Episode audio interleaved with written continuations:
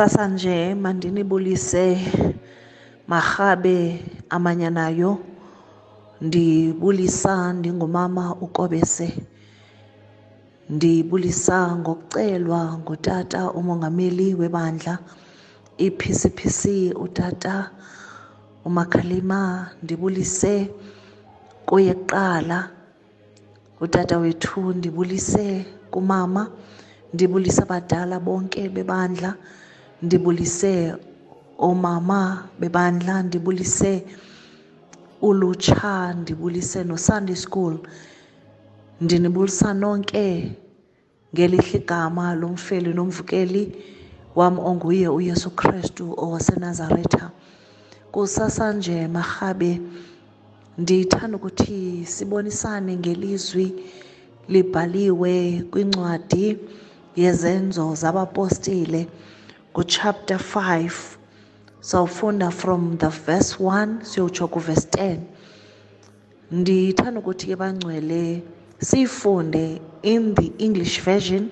I'll read it from the nlt version. Uh, our scripture is from the book of acts. That is chapter 5 that is verses 1 yotsho kuverse 10 fundeka ke ngolu hlobo ithi ananias and sapphira. But there was a, a certain man named ananias who with his wife sapphira sold some property. He brought part of the money to the apostles claiming it was the full amount. With his wife's consent he kept the rest. Then peter said ananias why have you let Satan fill your heart? You lied to the Holy Spirit and you kept some of the money for yourself. The property was yours to sell or not, or not, not sell as you wished. Okay? It says the property was yours to sell or not to sell as you wished. And after selling it, the money was also yours to give away. How could you do a thing like this? You weren't lying to us, but to God. As soon as Ananias heard these words, he fell to the floor and died. Everyone who heard about it was terrified.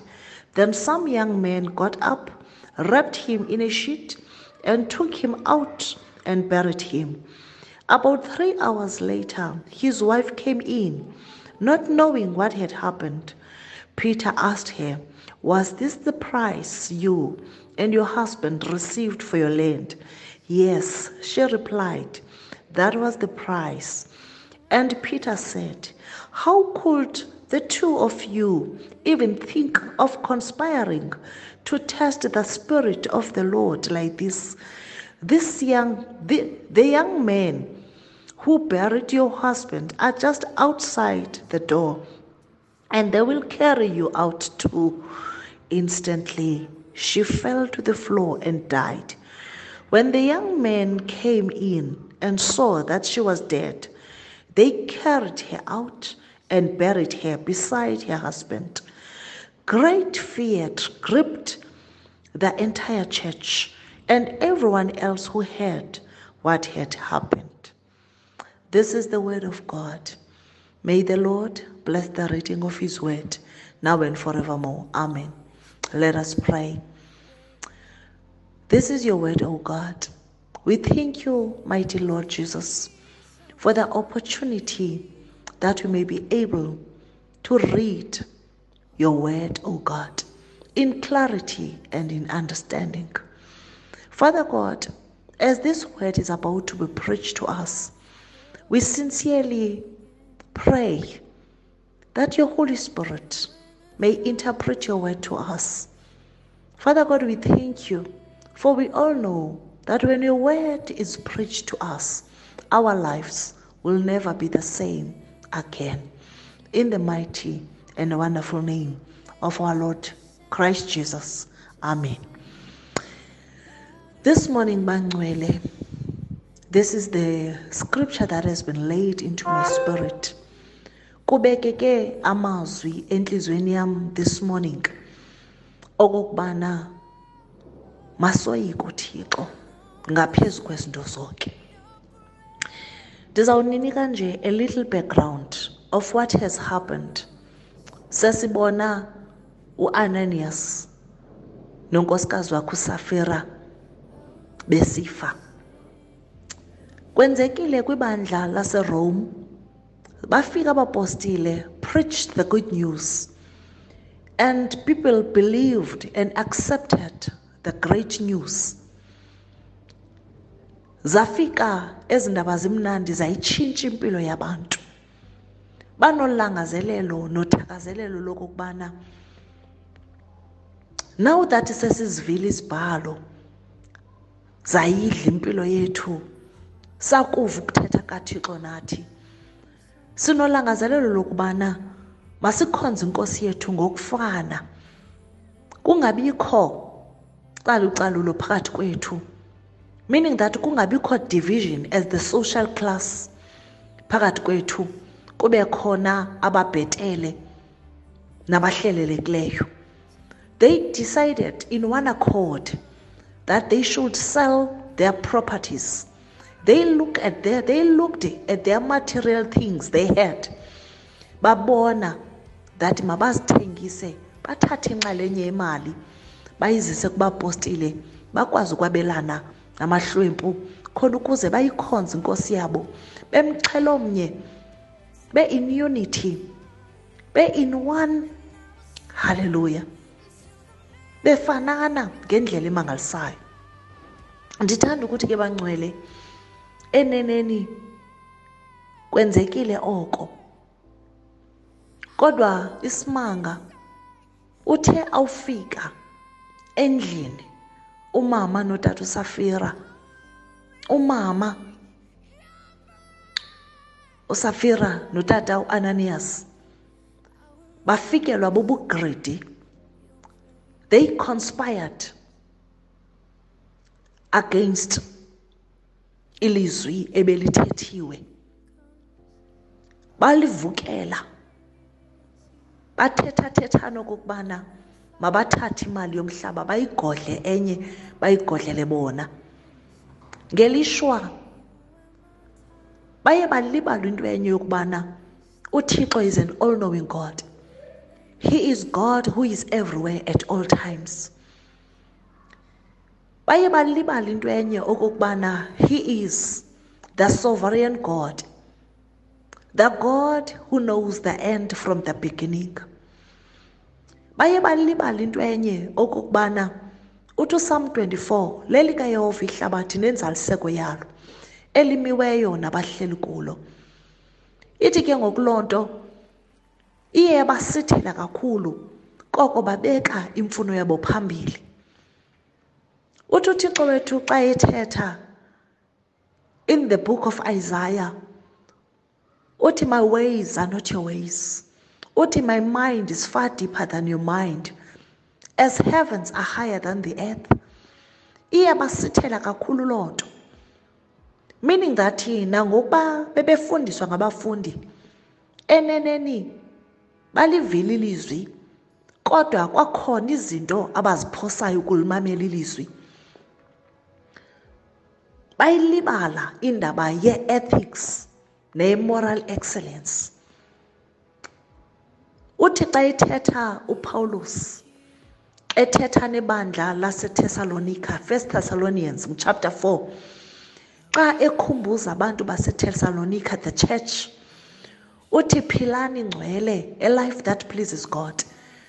Phofu uqala ba-aplode athi eneneni ndiyanibona niyayiphila le mpilo ingcwele uthi kodwa ke i'm urging you that you may continue living a life of purity.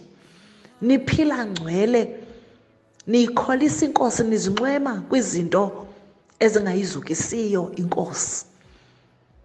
Ndifuna ukuthi ke nalapha kwenzeka iphutha umama usafira ngoba nguye oba nempembelelo yokokubana makuthathwe imali. Wayilibala iroli yakhe njengomncedi weli khaya wafikelwa yinkohlakalo yokokubana mabathathe a certain amount and keep it for themselves. Kodwa ke ibali endilithandayo elingcwele lithi waphuma utata ananias njengesigqibo wathatha leyo mali bagqibe ngayo nonkosikazi wakhe. Wathi awufika phambi kopetros engekathethi how much was the money? Ngoba umoya oyingcwele uyaministarisha kubantu bakhe. Peter was able to discern that there's a deceit act eyenzekileyo mve xa ethetha notata ananias uthi ibingumhlaba wakho ibinguwe. Othatha i-decision to sell and not to sell.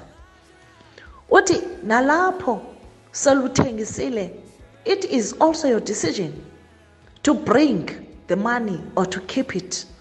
Uthi kodwa yini na ke okokubana uyinikele inhliziyo yakho kusathana uthi ngokokubana awonanga thina bantu but wone uthixo ithi ke ngoku incwadi endiyifundayo engcwele in the book of matthew uthi umatthew phaya you can lie about the Son of Man. But when you lie against the Holy Spirit, you cannot be forgiven.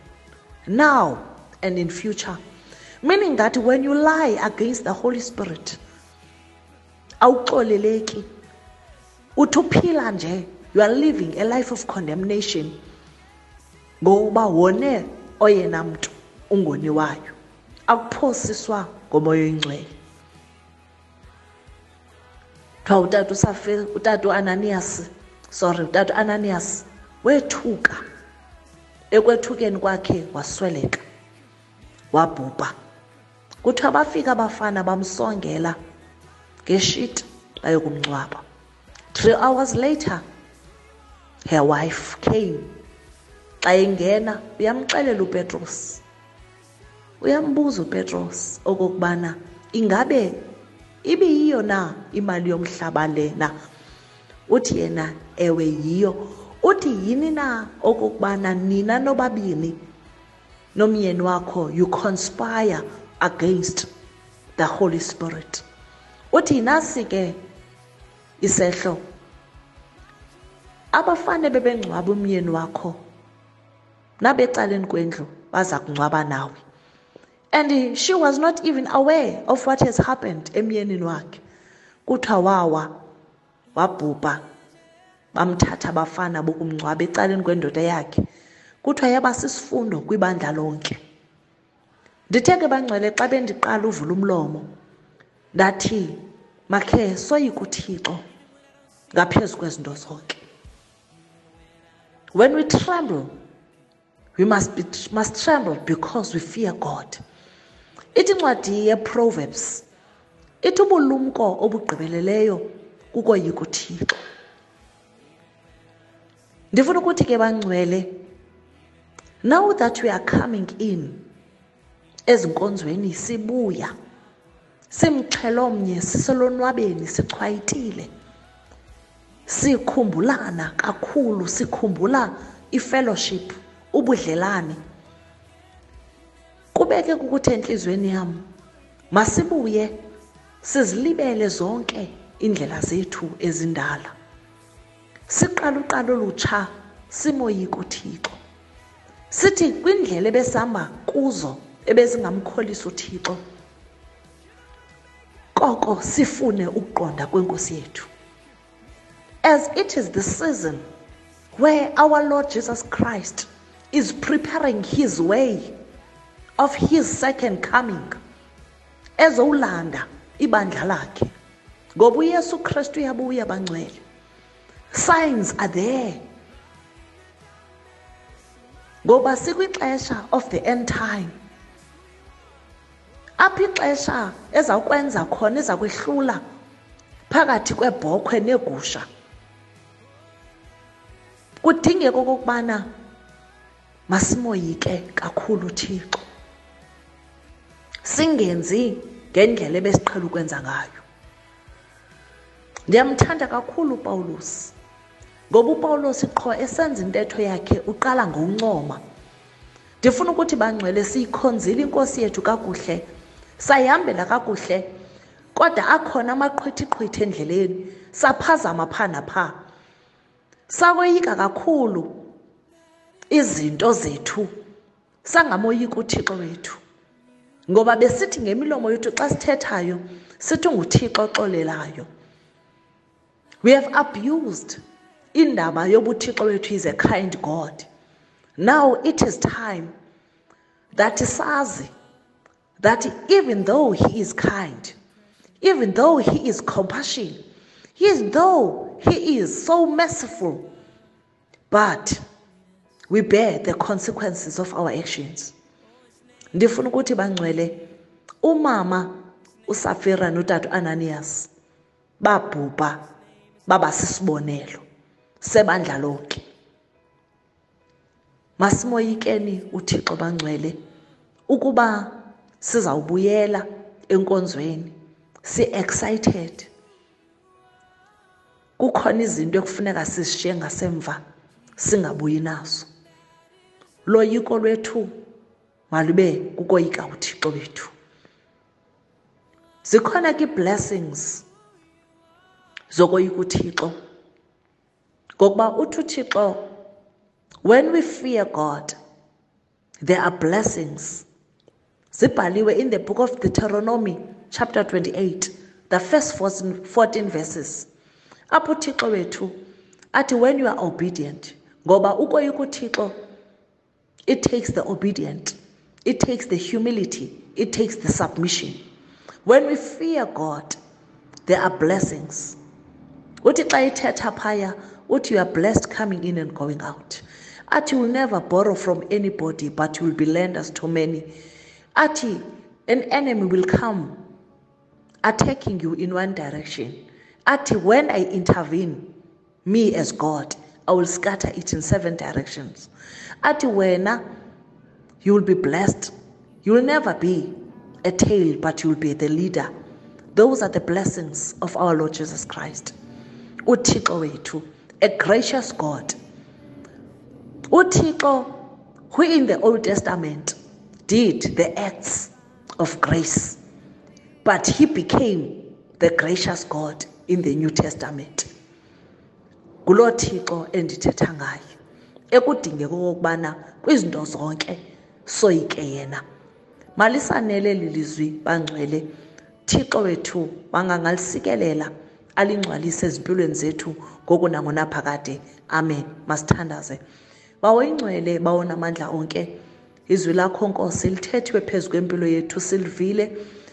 Sicela kananjalo ke jehova uthi sincede ngalo usifundise somandla khona ukuze singabi ngabaphulaphuli bokuliva ilizwi lakho. Koko sibe nolangazelelo lokulenza. Ukuba ke nkosi usikhumbuze kokuba uloyiko lwethu malube kuwe. Sifundise jehova iindlela zakho. Sifundise somandla nokukoyika. Ngoba eneneni sesikuqhele kakhulu. Thixo namandla onke. Sincede nkulunkulu namandla. Ngoba eneneni we cannot do it without you. Each and every day we are striving. Kodwa nkosi yethu sidinga wena. Kuthi nkosi ube licebo kuthi ube lulungiselelo kuthi ube ngamandla somandla khona ukuze konke ofudinga ukuthi sikwenze ngempilo yethu khona ukuze wena njengothixo uzukiseke sikwazi ukwenza. Sincede ke jehova ngayo uyesu kristu nkosi yethu. Amen. Masamkele intsikelelo kulowo unakho usigcina silondoloze singenalo ichaphaza legazi ichaphaza lobubi ichaphaza lokuhendeka ichaphaza lobumnyama. Makasikelele impilo yethu. Aloba ufefe nobudlelwane bomthuthuzo wengcwele bungahlala kuphumle kuthi sonke ngoku nangonaphakade amen. Hallelujah, weluya yasimhle Hallelujah, weluya yasimhle